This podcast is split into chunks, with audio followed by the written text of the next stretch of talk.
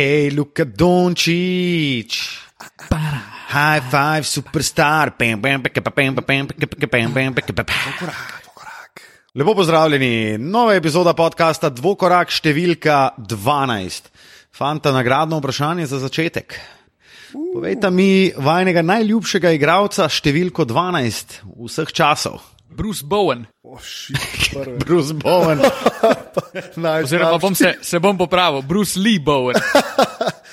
Pa najslabšega igralca izbral. Ne vem, kdo je moj najljubši igralec številko 12. Mislim, bom rekel še Dejan enega. Tomaševič. Lahko rečem še enega. Ne samo na 15. a? Gospoda, košarkarja, ki danes praznuje rojstni dan svoj 42. Marko Milič. Prav. Ja se lahko pridružim, ker se ne spomnim druge 12. Dej, dej, dej. Pridružen. Tudi jaz se pridružujem Marku Miliču, pa tudi Aleksisu Ažonsaju, ki je nosil 12, ko ne hitnice. Oh, La Markus Olrič je recimo eden, ki je nosil 12, oziroma je še vedno nosi, Rafer Alston, ja, Chris Anderson, On DJ Augustin, Aaron Baines, Patrick Beverly, ogromno jih je, ki nosijo številko 12. Torej, eh, 12. epizoda podcasta Dvokorak. Um, kako sta fanta? Odlično, Zakaj? ker sem odlična. Kam kar malo zavidaš, ker je zelo dobro. Ja. Zakaj si zakaj? odlično? zakaj? E, Tiren, povej, zakaj? Ja, sem. Tilan je zato odlično, ker je včeraj premagal na- na. O, ja. Štule. A jaz Se nisem prikazal, ne? ti se nisi, nisi prišel na tekmo. Ne, ne. Mislim, pa jaz, po mojem, nisem dober tudi zaradi eh, perčkov, ki smo jih pol spil. Mislim sicer, ni, da ne bo poslušalstvo mislilo, da smo kaj pretiravali ali pa karkoli, ampak ko dobiš prvo pivo, je tu ni tako zažejo, v mojem primeru tudi za utapljanje žalosti, ampak ko pa tri spiješ v eni uri, je pa malo težko za telono. Jaz sem tudi na štiri zvizno, po mojem. Ja, jaz se nisem dobro počutil potem. No, tako. Ja, Jaz se pa sploh po štirih sem se super. Zjutraj pa je, da malo bo težko stati. Sicer pa znova na Koroški ulici in a, nekako v slogu igre prestolov sta Luka in Tilen odeta v. Kva so to? E, To so Wildlingsi, midva sva, midva sva v bistvu na uh, tale Castle Black, uh, v trdbi na zidu in uh, moramo imeti nekaj takole živalskega čez sebe, zato da jo gre, ker winter is coming. Ne, um, A je to za nek Game of Zones? ne Game of Thrones, ne, ampak Stari ja. Game of Thrones je pa ljudje, če tega ne gledate, zamujate in to na veliko. Jaz ne gledam Game of Thrones, ampak Game of Thrones sem pa fan number one. Ja, jaz sem pa v bistvu nedolgo nazaj začel gledati Game of Thrones in sem pol še enkrat vse Game of Zones pogledal in je ful zanimiv, ker sem pol dejansko štekel Ja, ja. Ne, neke povezave med tem. Uh, je pa res, da zadnjih epizod nisem gledal, zato ker sem najprej Game of Thrones pogledal, zato ker so lahko tudi spoilerji noter. In to me pa, to, to, tega si pa ne bom dovolil, no, ker zdaj sem stran vrgel že približno en mesec svojega življenja, sem šesta sezona od osmih. Čestitke, Luka. Mogoče se tudi zato malo slabo počutim. Um, hej, kotiček, kdo se, no, da ne bom spet jaz določil, kdo se javi. V redu, bom kar jaz. Tok, ti Bom le jaz, bom jaz. svežga pripravljenega. Uh, ok. Jaz bom pohejtal, Kevina Durenta. Ne, imam tudi pripravljeno nekaj povezavi z njim, ampak eh, bom pohejtal Kajrija Irvinga. Uh, tole je pa nekaj novega zate. Ampak on si zasluži V hej, bistvu, kotiček. lej, v bistvu Kyrie Irving nikdar ni bil moj izjemno, izjemno priljubljen igralec, ampak s tem, kar je pa letos pokazal, pa dokazuje, da je v bistvu otrok. Ker je dejansko pobegnil, mislim, pobegnil. Izsilo je to, da je šel iz Clevelanda, ker je hotel biti number one guy, imeti svojo ekipo, svojo ekipo pripeljati do konca. V Bostonu ima noro talentiran tim, ki je zdaj kar naenkrat 3-1, vem, prejšnji teden sem bil vas vesel, ker so povedali 1-0, pa zdaj so tri tekme zapored zgubili. Po tretji tekmi, na kjer je imel mojster met uh, 8-22, uh, naj rečem še to, da na drugi tekmi je imel še slabši met. 7-22, pa na tej 8-22. nekaj takega. Ne, ne, glih obratno je bilo. 8-22 je imel na tretji tekmi, prvi doma, in na novinarski potem je rekel, od te točke naprej se to več ne more zgoditi. Dva dni kasneje, 7-22, ra! S tem, da je po tekmi rekel, mogo bi jih 30 zašolati. Mislim, Kyrie Irving je dokazal še enkrat, da on ne more biti number one guy v ekipi. On ne bo nobenega pripeljal do finala, on ne bo nobenega pripeljal do, ker je samo full dela zdraho. Takoj, ko mu nekaj ni prav, On ni človek, ki bo pogledal vase, pa se zamislil, pa ne vem, najprej pri sebi razmislil, če bi mogoče Jason Tatum lahko dobil kako žogo več, ali pa če bi mogoče lahko bil bolj organizator igre, ne pa pač skrbel, da jih bo dal v svojih 25-30, pa pol, kaj se bo zgodilo, se bo zgodilo. On igra svojo igro, ki je ista, individualno noro talentiran, kar se tiče driblinga, handelsov, najboljši igralec v ligi mogoče. Ampak kar se tiče pa končnega rezultata za ekipo, je pa obupno. Tilen, uh, ena istočnica je bila že v prejšnjem podkastu. Uh, jaz sem malo pogumno rekel, da je meni Kyrie Irving najbolj precenjen igralec v ligi. Se strinjaš s tem? Kaj pa ti, Matija? Ja, najprej ne pove uh, Tilnoza, če se strinja. Ma, mogoče se ne bi strinjal, da je precenjen. Precenjen je mogoče sem v smislu, če, ga, če gledamo zdaj na njega kot igralca, ki lahko res ekipo prepele do, do naslova ali pa vsaj do finala. Ne, gremo reči do naslova. Pa boš ti mu un klad šut, ki ga je dal preko krja, Pač ok, to je en met, s katerim si je on v bistvu naredil veliko, veliko korist, ampak na dolgi rok je šel v Boston, pa kaže, ok, lani je bil poškodovan, letos je Boston velik del sezone disfunkcionalna ekipa. En kolega je dobro rekel, da je Boston en, v bistvu eno kreganje stran od tega, da se totalno razpadajo, pa obenem en dober pogovor do tega, da so druga najbolj najboljša ekipa v ligi, takoj za Golden State. Ne. S tem bi se skoraj kar malo strinjal, ampak če se vrnem k tvojemu vprašanju, ne bi rekel, da je Kajri najbolj precenjen, ker verjamem, da je še kak igralec v ligi, ki je bolj precenjen. No, trenutno. A trenutno tistih, ki igrajo? Ja, ja trenutno tistih, ki igrajo, oziroma gledamo to sezono. Recimo. Sezona ja. 2018-2020. John Wall je daleč najbolj ja. cenjen igralec. John Wall ni, in, ni učil pol sezone. No? Ja, pa, Dar, ampak ni, to, to nima veze. Dokler je pa Washington je stokrat bolj igral, ko je bil on poškodovan, kot pa prej. Dobro. No, meni je on figurativno in Dobro, on ima najslabšo, najslabšo pogodbo v ligi v tem trenutku, drugo ima Russell Westbrook. Uh, mogoče je Kris Paul druga. Jaz bi rekel Russell Westbrook, ne, ker bo 47 mil dobo le, leta 2023. Ja, ja, ja, pri se... teh letih bo Kris Paul dobo nekih 37. Pri 36. Ja. Ampak ja, Kris ja. Paul je letos v playoffu odslužil pošteno. Ja, ja, zdaj svojo pogodbo. Mislim, ja, okay, je Houston ni, ni, to mogel narediti, ne, sej to ni tle ni ja. uh, no, Če se še ja, dotaknem Kajrija, um, meni on, pa ne vem, sem lik za njega to že govoril, da mi je ful lepo ga gledati. Um, in sem mal upal, da bo pokazal tudi mal leadershipa, ampak ga ne. ne. In škoda je, je tega, škoda je tega. Kar je še najhuj, da bo zdaj spet pobegnil, pa šel nek New York ali nekaj, ker se mu pač izteče pogodba in bo bil Frey in lahko menja ekipo. In spet ne bo ustrajal. On je šel iz Clevelanda v Boston zaradi tega, da bo imel svojo ekipo in zdaj ima svojo ekipo in spet mu nekaj ni prav in bo šel v New York in tam bo spet hotel nekaj narediti. Star, jaz upam, da greste Durant in Kyrie v New York. Ja, to bo pol. Ne samo zaradi tega, ker bo New York spet zanimiv gled, ampak tudi zaradi tega, ker bo idealna hate ekipa zbrana na kupu za Tilna, da jo bo lahko seciral vsak teden na našem podkastu. Da se tudi kar tega veselim. Uh, torej sta oba mnenja, ker jaz sem, da je Kajri v primeru, da Milwaukee dobi tekmo v Pfizer Forumu doma, je Kajri odigral svojo zadnjo tekmo v Dresu Bostona v Tidi Gardnu. Ja, jaz sem, jaz sem odšel na gibam k temu. Jaz tudi. Okay, mislim, da je to dobro za Boston. In ja. ko smo govorili o leadershipu, ful je zanimiv kontrast Kajri pa Janis Antetokumpo. Ker Janis res kaže, da je, da je pravi voditelj, da je to, kar bi v bistvu mogel biti Kajri Irving in tle bi mogel utrgati kakšen list iz njegovega zvezka, pa si prebrati kvalitete, ki jih mora pravi voditelj imeti. Uh, Tilen, prosim. Če se navežem, na, če me je Kajri Irving ful razočaral, me je pa Janis ful presenetil. S tem, kako je on reagiral. Po prvi tekmi, pa tudi delno po drugi tekmi, ki jo je Milwaukee dobil, predvsem zaradi Krisa Middletona. Janis je dal v zadnji četrtini, pol mislim, da 13 ali 15, ampak Takrat je bilo že plus 20, Middleton je dal 7 trojk, v bistvu je bilo že vse rešeno in pol je Janis dokončal delo. Ja, zdaj, zdaj na zadnji tekmi je bilo isto, on je imel težave z osebnimi napakami, tretjo četrtino praktično presedel, prišel nazaj v zadnji, pa jih obesil 17. Ja, ampak ne, 14,7 skokov v zadnji četrtini Janis. Išče način, kako pomagati ekipi, tudi če ni on v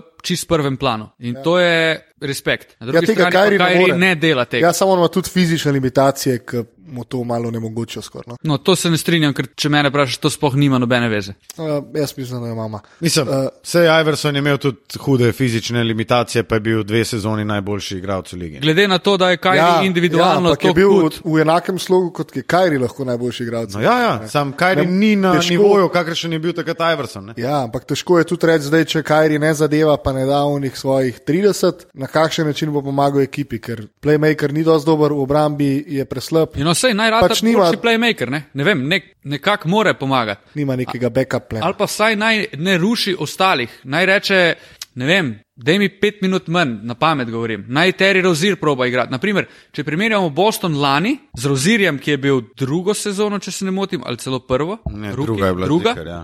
Letos Če je tretja, tretja celo. No, vlaga, Ja, ja, tretja, ampak tretja. prej čist neviden igralec.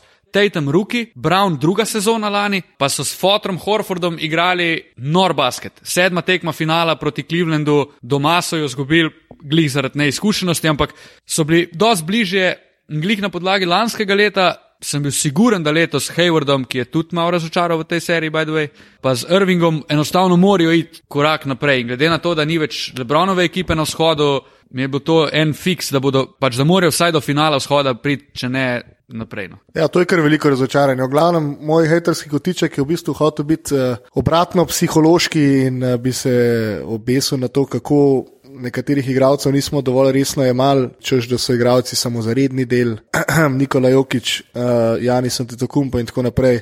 Zdaj pa vidimo, da so res živali in res so pravi vodje ekip, uh, ki se ne mečejo ven na novinarskih konferencah, ampak pokažejo svoje na igrišču. Um, no, ampak bom pa še dodal nekaj eh, na račun že večkrat omenjenega v letošnji sezoni, ki se v zadnjem času manjkrat omenja, ker ga ni v končnici. Lebron James, kljub temu uh, polni uh, novice na čelu ekipe LA Lakersov, ni samo njihov najboljši igralec, je tudi njihov GM, kar je bilo kar mal pričakovati in spet se bosta s prijateljem Tajlujem združila, tako da bo Tyron Lu lahko še nekaj sezon v vlogi pomočnika trenerja. Um, mislim, zadeva je kar to, Kako no, malo je- malo je komična. No. Dobro, ampak moramo pa vsem dati to, vse vemo, da je to LeBron James procesiral, oziroma da je bila to njegova glavna želja. Je pa pač to vsem po neki strani dobro, ker Tajlu ve, kako deluje LBJ, znaga. Nam rekel ukrotiti, ker se ga pač ne da, taš, takšnega zvezdnika, ampak pač ve, kakšne rokavičke more na določen dat, dan dati gor, da Zna z njim živeti operira. v sožitju z Lebronom. tako. B- V bistvu za Lakers jaz sovražim Tajluja. Mogoče najslabši trener v. Tole je Najslabši pa- trener v je ligi. pa Nevide, nepričakovano. Lej, najslabši trener v ligi, po mojem, Ja, ja, gladko. jaz bi se lahko strinjal. Res, on ne spremeni tekme, lej, on ne spremeni tekme z nobeno potezo, on nima rešitev. Pač Ja, ne, se Tajlu je prišel v Cleveland zato, da bo Cleveland začel igrati hiter basket. Recimo. Pol, ampak pazi, še skozi pa, če Lebrono to deluje, on je bil še skozi s Clevelandom štirikrat zapored v finalu. Ja, no kaj Lebron Ok, deluje? trikrat, trikrat zlujem. Trikrat zlujem. In če pač to funkcionira, Lakers v bistvu nimajo druge izbire, kot da pač ga vzamejo za trenerja in probajo na ta način. Ker če pa zdaj prepeljejo, ne vem, enega trenera, s katerim Lebron še ni delal, pa vemo, da Lebron, če se ne razume s trenerjem, je to kaj kmal konc vsega skupaj, ne? Je še skozi za njih to najboljše, tako si Luka rekel, mogoče najbolj safe bet, da pač vzamejo luja in vidijo, kaj se da narediti. Ne? No, v bistvu, kar mi je všeč v vsem tem, ker ne maram najbolj Lebrona, nisem največji oboževalc, je to, da eh, kot GM se mogoče igralsko ne bo izkazal v toku eh, letošnjem prestopnem roku, vsaj taka je moja napoved, pa naj me. Ko smo ravno pri tem, sem pa glihke dobil obvestilo Bleacher Report, da Lebronov kamp ji želi Toma Tibodoja kot pomočnika. Okay. Super, um, gremo naprej, krasno, res tole, tole, tole gre iz minuto v minuto. Mislim, če bo pa Tom Tibodov prišel tja, pa bo assistant coach, Je pa največji pusi tega life, stari. to pa pač ne greš Tajluju za assistant coacha v live. Hoče to za Lebrona, nasploh ne greš Tajluju, pač Lebronu rečeš, ti si moj svet in jaz bom zdaj pomočnik trenerja, ki si si ga ti postavil, ki tak ni glaven trener, ampak je pač tam lutka. Če se pa to zgodi, se pravi, ti bi bil GM, pa trener, pa zdaj samo trener, oziroma bil samo trener, pa so ga skenslali. Um, zdaj pa za pomočnika tole, tole, Dobro, Tom tole je obeta. bil- No. Tom Tibodov, ko je šel iz Bostona v Minnesoto za glavnega trenerja, je bil mogoče, Iz misliš. a, pardon, iz Chicaga, mogoče tretiran kot, eh, ne, ko je šel iz Bostona v Chicago. Ja. je bil takrat tretiran mogoče kot najbolj talentiran, mislim, ni bil glih mlad, težko reči, da je bil talentiran, ampak ful se je od njega pričakovalo. Ja, najboljši trenerja. obrambni coach Tako, je bil. Ne? res se je pričakovalo, da bo z unim Chicagom naredil full dost, pa sej tudi je na nek način, pa pol še naprej Minnesoti, ampak se pa kot glavni trener res, res ni izkazal. Ja, jaz mislim, da on je preveč avtoritativen in ne dovolj svojim pomočnikom, da bi mu karkoli svetovali, glede na to, da v vseh svojih letih službovanja ni ugotovil, da pač najboljši trije igralci ne morejo 80 Ja. tekem v rednem delu igrati 40 minut na tekmo. Jaz bi celo prepovedal, da bi, da bi trenerji lahko bili hkrati trenerji in oziroma te president of basketball operations oziroma predsedniki. To je kar Ker res. to mi je tako, da mislim, je tako, da bi ne vem. Mi bili recimo športni komentatorji, pa pa imeli še en podcast, ki ne moreš obojga, recimo, dobro delati. Ne? Kva Na, delati. naprimer. Naprimer. Se pravi, ti Fuldor komentiraš, mi dva pa imamo Fuldor podcast. Ja, nekako tako je. uh, moj hej kotiček uh, je pa namenjen trolam. Pa ne tistim, ki jih vidimo vsak dan na ljubljanskih ulicah, eh, avtobusi ljubljanskega cestnega prometa, potniškega prometa, se upravičujem, ampak trolam, ki letijo iz začrte 724 na košarkarskih igriščih širom lige NBA. Vse lepo in prav, to je moderna košarka in tudi jaz moram reči, da sem pristaš trol, ampak ne pa, ne pa v tem obsegu, kot gledamo v zadnjih dveh sezonah oziroma predvsem v tej sezoni in tudi v končnici na tekmi. Številka 4 med Houstonom in Golden Stateom je Houston vrgel 50 trojk, Golden State jih je vrgel 33 in zdaj tako ne. Recimo Golden State, preden je Kevin Durant prišel tja. Oni so izumili so ta basket, full trojk, Curry Thompson sta se tako razvila v mogoče dva v top 5 šuterjev, kar je tako najboljši vseh časov uh, v zgodovini. In umbasket je bil, kot smo se že pogovarjali, full lep. Ful je bil free flowing, ful je bil hiter basket, kontre so se blagano zaključovale s trojkami, ne? zdaj pa, kot si ti prej, Matija, recimo rekel, še preden so se mikrofoni pržgalne, zdaj pa ekipe sistemsko se lotevajo tega, tega oziroma ustvarjajo načrt svoj game plan tak, da se pač tekmo dobi s trojkami. Meni to ni več všeč. Po drugi strani mi pa recimo tudi San Antonija letos na nekaterih tekmih, tekmah ni bilo zagledati, ker je bilo pa premalo trojk. Tako da jaz bi se vrnil na, najraje nazaj v tiste čase, ko je v bistvu Golden State prvi dve oziroma tri sezone igral ta hiter basket s full trojkami, ampak še zmerih je bilo manj. Ker imam samo še en podatek. Recimo, Golden State je letos po 3 points attempt, po um, številu vrženih trojk na osmem mestu. Velja pa za najboljšo šutersko ekipo, mogoče celo v zgodovini, s Karjem, Thompsonom in Durantom. Ja, ja. In oni so osmi oziroma sedmi po številu metov za tri pike. To se pravi, šest oziroma sedem ekip, ki igra v bistvu Golden Stateovo igro, ki so jo razvili oziroma pripeljali do tega ekstrema, da sam šajbajo trole. Pa fucking en ne zna zadeti od table, old school, mid-range jumperja, ki obolim. No? Dvigno si roko, Tilen. Jaz še skozi mislim, da če ti baziraš svojo igro na tem, da boš butno več trojk, ki pa metov za dve, kar dela Houston, že v rednem delu sezone lani, pa zdaj v prvi rundi playoffa, to ni recept, da boš ti usvojil naslov. Ker ti, ti se enostavno preveč zanašaš, tako si ti rekel, Matija, sistemsko mečeš trojke. Ampak vsi vemo, da sistemsko metati trojke, full, full, full dobro. Dva meseca, kuk traja končnica, to je skoraj nemogoče. Tebi se bo slejko prej zalomilo in ti, če mečeš, če baziraš svojo igro, sistem igre na trojkah, ti se ful težko prilagodiš, pa greš v nekaj drugega. Ti pol po globini ful težko začneš igrati. Sploh naprimer pri Houstonu, ki nimajo niti visokega igralca, ki bi lahko igral ena na ena, naprimer kapela niti ne pogleda na postu na koš. Pa je njihov prvi najboljši center, pač računajo res na njega. In ti, če baziraš sem na trojkah, kar igrajo ekipe, sploh Houston najbolj izrazit v tem, ne moreš priti do konca, ker slejko prej te bo nekdo z neko solidno obrambo, ali pa enostavno ti ne boš mogel zadeti dve tekmi, momentum boš šel na uno stran in pa si zaključil zgodbo. Kaj pa če recimo v finale prideta Milwaukee in Houston, ki sta ekipi, ki sistemsko mečeta trice, da dobivata tekme?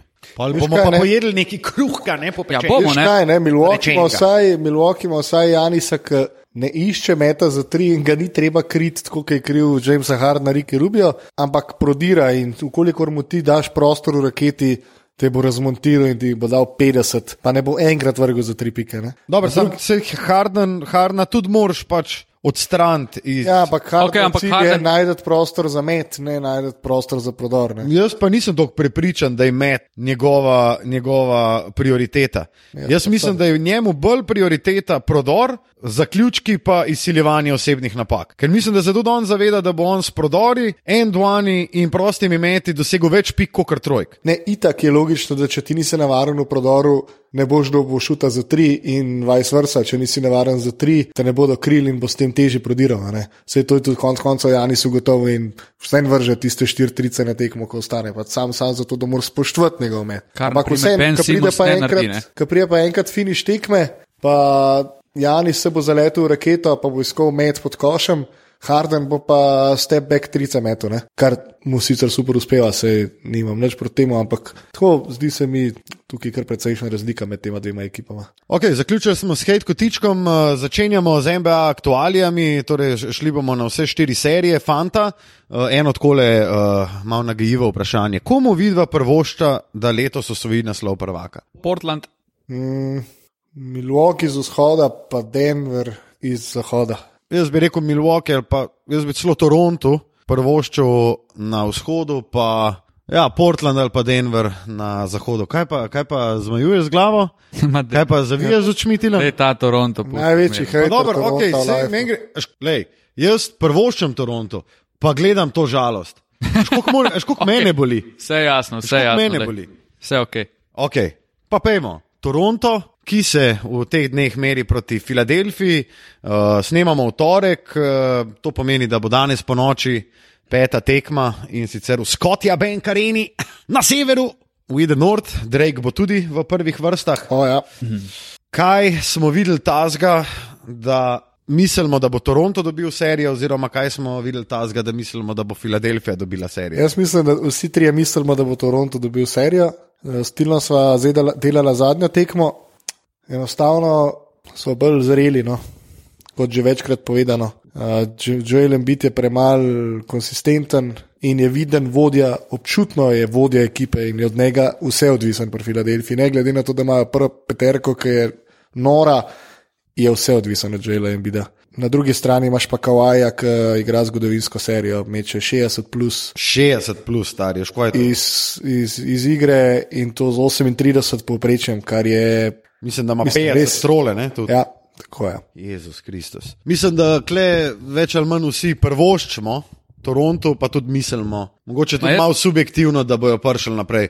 Zato, ker Filadelfija, a je, mislim, meni je Filadelfija v tem trenutku, na tej točki končnice, mi je najbolj antipatična ekipa, ki je Ful ostala. so, ful so antipatični, ja. ampak v tej seriji se meni zdi, da je res težko reči, kdo bo šel naprej. Ker je ena serija, ki je težko napovedati nekaj na podlagi. Vsaka tekma je tu poglave zase, res dobesedno. Ker videli smo serije, ki se lahko nekaj vleče, naprimer nekdo dobi momentum, pa dobi res tri tekme zapored, štiri tekme zapored, hara, ne? Ampak tukaj, Filadelfija je dobila dve tekmi, eno v Torontu, pa prvo doma gladko, kaj bi pričakoval, pa nič se ni spremenilo, pa Pascal Sijakam je bil vprašljiv, pol je igral, pa je igral slabo, pač to bi Fila mogla res voditi 3-1. Pa je pač bila tekma, ki niso mogli zadeti in Toronto je to izkoristil, predvsem po zaslugi Kawaja. In imamo 2-2. In ne moreš reči, da bo zdaj v peti tekmi, pa da bo Toronto odigral full dobro, pa bo to tekmo sigurno dobil. Pač čist možno, da bo dobila Filadelfija ali pa da bo Toronto obranil, lahko pa se vrne nazaj v Filadelfijo, je spet glih 50-50 posto možnosti, da dobi en ali pa drugi. Ne? Um, sta Elton Brand, izpada da proti Torontu v tej seriji in v novi sezoni tradata ali ne, Bena Simonsa. Jaz Bena Simonsa tradam že danes. Jaz ga dam na waverje. Koliko je pa on neobstoječ v tej seriji, tu, njega sploh ni. Mislim, on je. Njega ni, on pobira odpadke, vse kar dobijo od tega. Vse da smo se pogovarjali o tem. Ne, Ben Simons je tudi en najbolj precenjenih igralcev v ligi. ne pa sej. Toronto ima najboljše orožje za Bena Simonsa, ker nam ga lahko dajo skoraj celo peterko, razen Gasola. Na Simonsa, ja, dokler ti model ne bo 30 metrov, ga Fora lahko tem- ibaka. Ja, fora je, da ga sploh ne ti rabiš kriti. Sploh ne kriješ. Ti imaš ti, oni igrajo 4 na 5 napad. Ja, Ja, ja, no tako. Ampak se pravi, Itak je v Ibaka je v, v raketi, uh, Gasol je v raketi, pač ni placa za Simonsa, da se on sprehaja k vrednem delu sezone, ki pač se obramba ne igra, pa pihneš mimo enega, pa je ok. Ne? Zdaj pa se še njegov postav raketo in tam ga malo gleda, on itak trole ne butne v lifeu in ga ne kriješ sploh. Vse, kar on dobi, je to, če dobi skok v napadu, če se kjerkrat dobro giba brez žoge v napadu, pa je kak backdoor ali pa tranzicija. Pa tudi tranzicije ni, ker se igra upočasni v končnici in pač ni tega, ha, tega highlight basketa, ki smo ga vajeni izrednega dela sezone in tu je on čist mrtvo. Jaz mislim, da v končnici obstaja ta dve ekipi, ki lahko igrata tranzicijo v tem trenutku. Golden State in um, Milwaukee. Ja. Ne vem, ne vidim, Toronto je na more. Ne, ne, ne. Um, Houston, kaj pa vem, tudi Houston delno. Delno, ja. Um, Denver mogoče, ajde, Denver še, recimo. Ja, pogojno, sem takrat, ko jim Jokara ne vodi. Joka igra quarterbacka. Ja. Uh, ok, se do tja bomo še pršali. Mislim, da se nam na Boston, Milwaukee ni treba preveč, glede na to, da smo Gotovo. že dosti povedali. Mislim, da smo vsi mnenja, da je serija zaključena. Ja. Čeprav Tilen, ti si rekel, ne? nekaj prej le mi zašepetal v uho, ne, v bistvu nisi mi več zašepetal v uho, vse je bilo v redu. Um, ne, da ne bo kdo mislil, da so kle kakšna. Ne, jaz nagnjena. Niste pod, pod isto deko, da se ne bo na robe razumeli, vsak ima svojo. Sej se bomo fotkali v dekcah. Ja. Še skus mislim, da ni čist koncno. O ja, čist konc je. Male, jaz verjamem, ta Boston, pač zbral sem ga na začetku sezone, zbral sem ga pred playoffom, pa bom strahal do konca, tudi če bom z njimi šel v jamo. Faj se me, deko sem. Mislim, da. Dekatlon. Še skozi mislim, da lahko Boston se sestavi in dobi tekmo v Milwaukeeju. Če pride ta, ne verjamem, da lahko Boston dobi tri tekme zapored. To mi je full, full neverjetno. Ampak po drugi strani Milwaukee je tudi dobil zdaj tri zapored. In če pridemo do sedme tekme, ki se sicer bo igrala v Milwaukeeju, pa prednost absolutno ima Milwaukee, sem še skozi pa ne tukaj izrazite. Ko, naprimer, če pridemo do sedme tekme, bo Milwaukee imel manj prednosti, kot pa jo ima zdaj v peti tekmi, da zaključi se. Ja, če Milwaukee ne zaključi v peti, Imamo sedmo, po moje. Gremo na zahod. Prosim. In sicer začnejo pri Portland, Denver. Allah sem rečen, koliko je pa to zakon serija. Ja. To pa nora. Verjetno kar najboljša s, uh, skozi oči gledalca, najboljša serija. Uh, končnice je rezultat 2-2 v zmagah. Tako je. Uh, Jokič igra pač noro. Tip je odigral 65 minut in shujšal ne vem koliko v uh, tisti tekmi, ki je imela štiri podaljške. Uh, Kancer igra z eno ramo. Ja, mislim, da lahko tudi rečemo, da je to tekma letošnje končnice in ne verjamem, da jo bo katera koli presegla, ker je tisto, ja, ja. To, to, bilo, to bilo noro. Um, ja, povej, povej, zakaj bo Portland v finalu, Tilan. Ne, sen, ne mislim, da bo Portland v finalu. Jaz skozi mislim, da bo Denver prišel naprej, ampak če bi pa mogel zbrati ekipo, ki bi pa najbolj prvoščil, da dobi naslov, je pa to Portland. McCollum in Lillard sta v tem trenutku par, ki je najlepši gledati na planetu Zemlja. No? Igrati košarko, branilski par. Recimo. Je res, no, noro dobro igrate. Lidar se je sicer malo potihnil, mogoče tudi malo dal žogo bolj CJ-ju. Jaz mislim, da so malo pogledali serijo iz lanske sezone, ko so Lillardu vzeli žogo iz rok New Orleans Pelicans in zmagali 4-0 tisto serijo. Mislim, da se je Mike Malone dobro pripravil in da de, dela to, kar bi moral, moral delati že pri Oklahomi v prvem kolu. Ne. Jaz sem gledal te štiri podaljške v živo in je bilo očitno, McCollum je igral fantastičen basket. Res. Na koncu je sicer šel dejansko slabši procent iz igre kot pa, ko pa Lillard, ampak očitno je bilo, da v zadnjih treh podaljških Denver prav reže ven Lillarda. Tory Craig je stal zraven njega in enostavno ni pustil, da bi Lillard sploh prišel do žoge. Na koncu je v enem podaljšku Denver vodil že za štiri.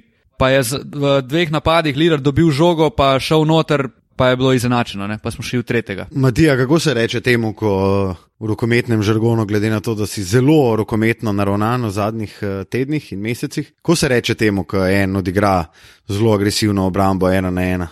Ja, ti si bil še rokometaš, ne vem, kako se temu reče. Flajšter. Ja, ja, dobro. Ja, Flajšter ga moraš prijetne.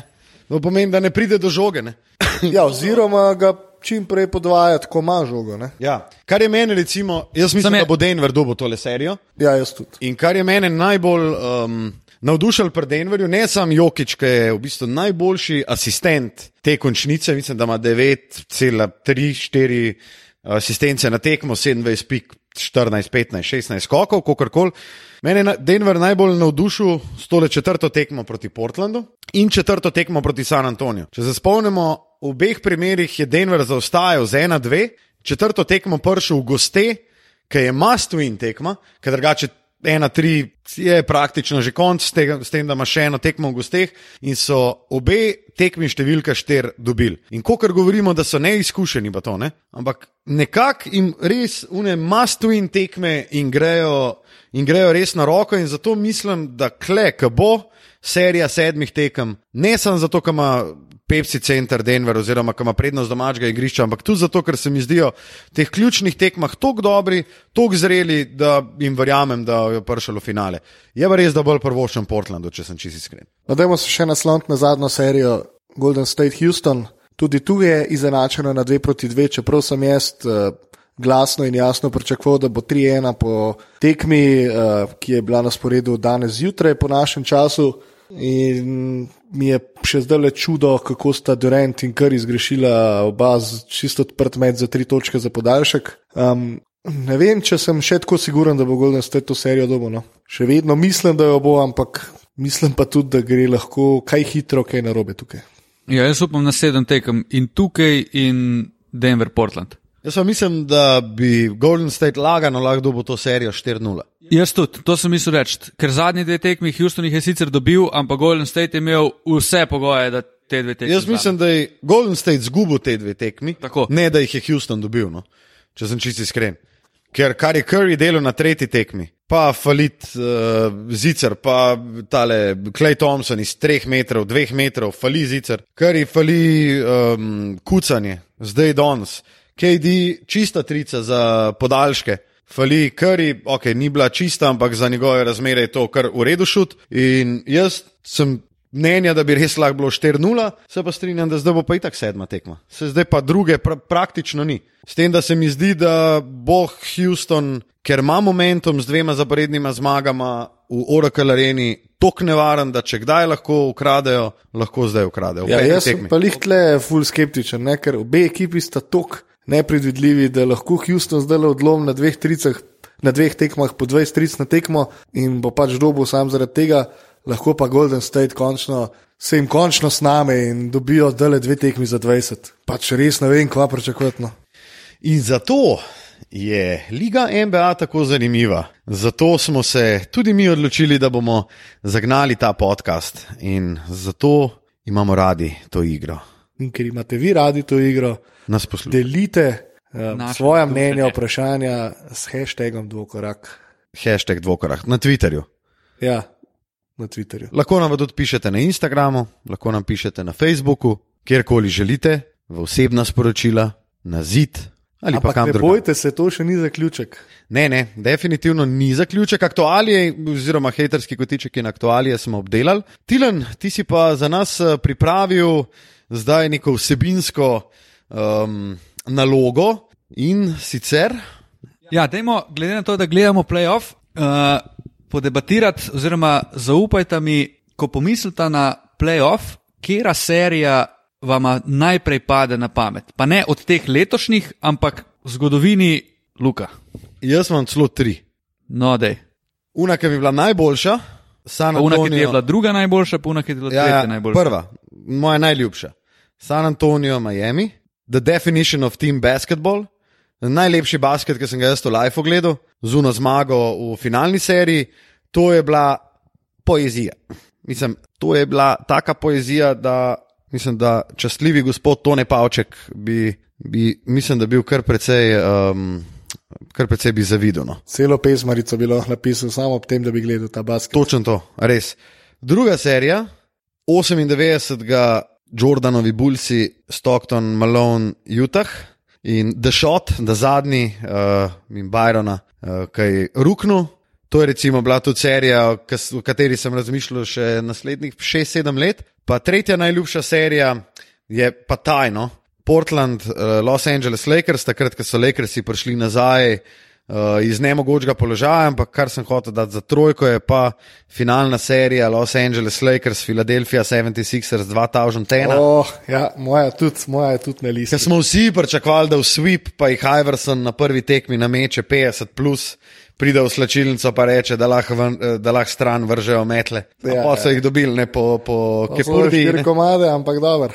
Sam je bila pa meni je bila to serija, zato ker takrat v bistvu Da je 2001. Iverson igral čist banged up. Ne. mislim, vse je bilo na SB Nation. Ne? Mislim, da je takrat, moto, mislim, da je takrat Filadelfija igrala s tremi igralci, ki so imeli neki, eno zlomljeno kost v telesu. Aaron McKim je zlomljeno eh, nek, stopalnico neki. Ne, ali mislim, roko, da je imel z ali gležnjem, neki počen gležen je imel, Dikembe je imel roko zlomljeno, Ja, pa kdo še, je bil Erik Snow, ki je imel isto, ja ne vem, je bilo nekaj z njim. pokosnico je imel S zlomljeno. tem, da je bil tudi Iverson čist dio. Že, Ja, on je bil itak banged up, če je nosil Ja. ja. ruzak porenta na svojem hrbtu celo ekipo. Ne? Ampak ja, recimo, to je bil 2001, to je bila res serija, um, ki sem jo jaz spremljal, gledal vse tekme, ker so bile dejansko na slovenski televiziji. To je bila mogoče serija, ki sem jo jaz res v celoti najbolj upeto spremljal. Moja prva serija, recimo v moji MBA karieri, oziroma nam reko MBA karieri, ampak ukvarjanju oziroma spremljanju basketa, da sem res full srcem gledal ta NBA. Vse prej sem Bulse, pa Jutah, pa ok, tudi predvsej bolj uh, evropsko košarko zaradi Olimpije, ampak kar se NBA tiče, je bila pa to za me serija, ker sem bil takrat prepričan, da je Iverson, sicer takrat leta 2001, je bil boljši od Jordana. Jaz se tudi spomnim, da sem se na rokometnem treningu s svojim trenerjem Kregu, ne vem, to je bilo 99, da je Iverson boljši od Jordana. pa, pa me je mogoče malo sram. No, pa naj nadaljujem. Pisalo se je leto 2011. Lebron je sprejel svojo odločitev in to je bil trenutek, ko se je Matija odločil, da mu Lebron ni najbolj pri srcu.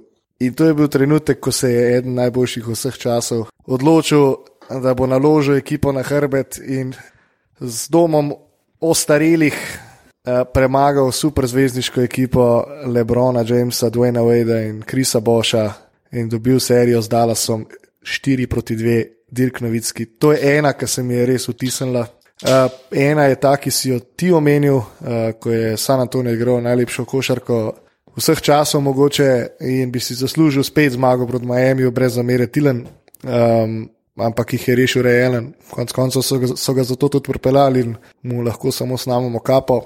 Še ena, ki bi jo pomenil, je pa mislim, da leta 2003, ko je bil pa okraden Sacramento v seriji uh. proti LA Lakersom v finalu konference, ekipa Sacramenta, ki smo jo imeli vsi v čislih, Bibi, Peđa, Kristi, Weber, Divac, je igrala res lep basket, mogoče je basket pred, pred svojim časom. Um, ampak takrat so enostavno Lakersi mogli osvojiti ta tripit in je zadeva kar dobro dokumentirana, kako so bili takrat ukradeni. S tem, da tudi uh, zelo veliko je bilo argumentov, da je bil tudi Portland recimo, v tisti seriji, ker so bili v bistvu na pragu tega, da izločijo favorizirane Lakers, da so bili tudi takrat zelo pokradeni. Pa mislim, da je to en in isti sodnik, ki je bil podkupljen, ki je potem uh, seveda to priznal. Mislim, da celo knjigo napisal, številne intervjuje in tako, ja, da so bili Lakersi takrat kar eh, tak, tak mogotec, gaden, ki je mogel zmagati. Ne. Tilen. Ja, kar nostalgija me je ne, zagrabila v Je, ne. teh pripovedovanjih. Uh, bom šel od zadaj, ali pa ali gremo. Meni najljubša serija je 2-6 Miami, Dallas. Uh, ja. in pa nerealno ena najboljših predstav enega igralca v finalu, Dwayne Wade, za štiri zaporedne zmage Miami, potem ko so imeli 2-0, takrat se je še igral sistem 2-3-2, so tri domače dobili, pa pol še v Dallasu četrto. On je imel po, podobno povprečje, ki ga ima zdaj Kawhi v tej seriji, pa povprečje na teh štirih tekmah, mislim, da 38, v glavnem odlom. Takrat je pač tudi moja naklonjenost njemu Usklila tvoja ljubezen. tako, tako prerasla in se do dobro zapečatila. Uh, druga serija je ta že omenjen šut od Reja Elena. To je en moment, ki je na pamet, lahko komentiram to isto, ko je takrat, ker sem milijavženkrat pogledal ta posnetek. Uh, še ena serija, ki mi je bila pa full cool, je pa uh, finale med Detroitom in Lakersi. Uh, Takrat, ko so Lakersi naredili zvezdniško ekipo, ki je še Malone, igral za njih pa Peyton, pa Shaq, pa Kobe in to je bilo pa Fox. In po pridejo Detroit in jih zbijajo in to se je meni tako fajn zdelo. Takrat mi je Chauncey Billups nosil tako hude patike, da sem sem te patike hodil hotel imeti res. pa Rip Hamilton je bil, k, ta fotor, ja. ta brane, vsak ponedeljek z njimi igramo, je pol distanca. On pa ni pol znal distanca, taka zihrca, da je to brez veze, stari. V bistvu so imeli, ful so imeli zanimivo ekipo. ne. Pa Ben Wallace, razbijač, da veš, Rašid, pa Rašid Wallace, nihče ne more obraniti v zgodovini človeštva, stari. pa pa Tyshon Prince. Tajšon Prince pa najboljši roleplayer vseh cajtov, bezna. Saj v uni seriji. Še vedno najboljša blokada vseh časov. Ja, v pa blokada. V bistvu so takrat Detroit res imel hudo ekipo. Sicer rezultati so bili za današnje razmere zelo indijanski. Ne? Tekme so se lagano končale z rezultati 85-78. ne. Mislim, meni je bila ta serija, je, na koncu je izkazalo, da je Detroit imel full hudo ekipo, ne? ampak dejansko takrat se nihče ni pogovarjal o Detroitu, niti jim ni dajal nobenih možnosti, ker so imeli Lakersi pač Kobija, Šeka, Malona, Peytona, to je ekipa, ki enostavno ne bi smela zgubiti. Mogoče je bila to ekipa, ki je celo podobna temu Golden Stateu zdaj. Malone je all-time igralec, Šek, Kobe, Peyton je Dobro, samo one dva sta bila res že izven Ja, pač svojega dosti prima. starejša, ne? ampak vseeno, to je bila ekipa in pol prije ta Detroit in jih zbije, to mi je bilo res ful dobro videti. Mislim, meni je bil ta basket tako. Rekel, v tistem trenutku, oziroma v tistem obdobju, mi je bil to zelo lep basket, te 85-78. ne. Rekl si prej, uh, ne vem, kje je rekel. Najlepša serija je bila pač San Antonijo, a je bilo to mogoče zaradi obrambe? Ne. Zaradi tega, ker so pač v napadu je bilo pet igralcev, vsi so šajbali trojke, pač poezija od basketa, res. Zdaj Golden State gledamo zaradi napada, Hardna gleda, vse gledamo zaradi napada. Ti si nobene tekme ne prežgeš, uh, zdaj me pa zanima, kako bo ta v raketi odlomil v obrambi Junga, da ne bo mogel nič. Ne. Vse smo govorili, da je Boston, Milwaukee pa Boston, Indiana, da je pač bedno, zaradi tega, ker so se tekme igrale na 80-85 rezultat. Ne. Pač obe obrambi sta bili ok, če bi zdaj Milwaukee oziroma Boston uspel zadržati Milwaukee pa Janisa na nič, pač bi bila tudi malo bolj bedna serija, ker pač bi prevladovala obramba in zmeraj je lepše gledati, če se igra dober napad. Kar ne pomeni, da obramba ni pomembna, je ključna, sam vseeno. Televizijo pa prežgeš na koncu konca zaradi tega, ker te zanima, če bo kjer dal 40. Ne. No, sej, da smo na jasno, se vsi zelo spoštujemo tega človeka, o katerem smo spregovorili Absolutno. mu dajemo kapo dol in globoke poklone za vse, kar je naredil, ne samo v svoji karieri, ampak tudi za basket. Nasploh, hashtag dvokorak, Twitter, najdete nas tam pod. Uh, Uporabniškimi imeni Tilen Lamut, Matija Kosmač, Luka Štecin, na Twitterju, Facebooku in uh, kaj še? Instagram. Instagramu. Um, obenem, obenem pa seveda ne pozabite komentirati in dajati ocen na Apple Podcasts. Naslednjič beremo komentarje, dva nova imamo, nekaj novih ocen imamo prav tako. Tako da, ja, še vi kaj napišite, oziroma pošta, postavite kakšno vprašanje. Naslednja epizoda je čas, ko bomo odgovarjali na to, oziroma ko bomo brali vaše pohvale, kritike, graje. Tako. Luka zaključi. Zaključi. Luka, zapletel si se. Ja. Pleti se. Ligurija, Ligurska Turska obala. obala. Ja, tam je Luka preživljal svoj dopust pred kratkim, med prvomajskimi prazniki. No, pa dajmo nehati, fanti, Ne, dosti ne. je bilo. Moram pa dati še velike propse Tilen za včerajšnjo partijo, ki si jo odigral in tudi dobil. Matija, mi da so bila soigralca, ti si ponorel v prvem polčasu, nas nosil On eh, fire je bil, na Matija. svojih ramenih. Uh, moram se ti pa tudi zahvaliti za ekskluziven NBA merch, warm-upse, prenesel je iz Bolonije, kjer je. Šef, šef Matija, Ja, Dule. Dul, Dulioza je iz Bolonije, kjer je bil član junior eh, NBA projekta, fantastično nas eh, opremil z NBA junior mrčom in eh, res ti, res ti hvala, Matija. Kako mrč izgleda, pa lahko vidite na mojem zadnjem postu na Instagramu. Uh, to je to, lepo, da ste bili z nami in z nami bodite tudi prihodnji teden. Čau, čau. Čau, bella. Bye bye. Ligurska obala.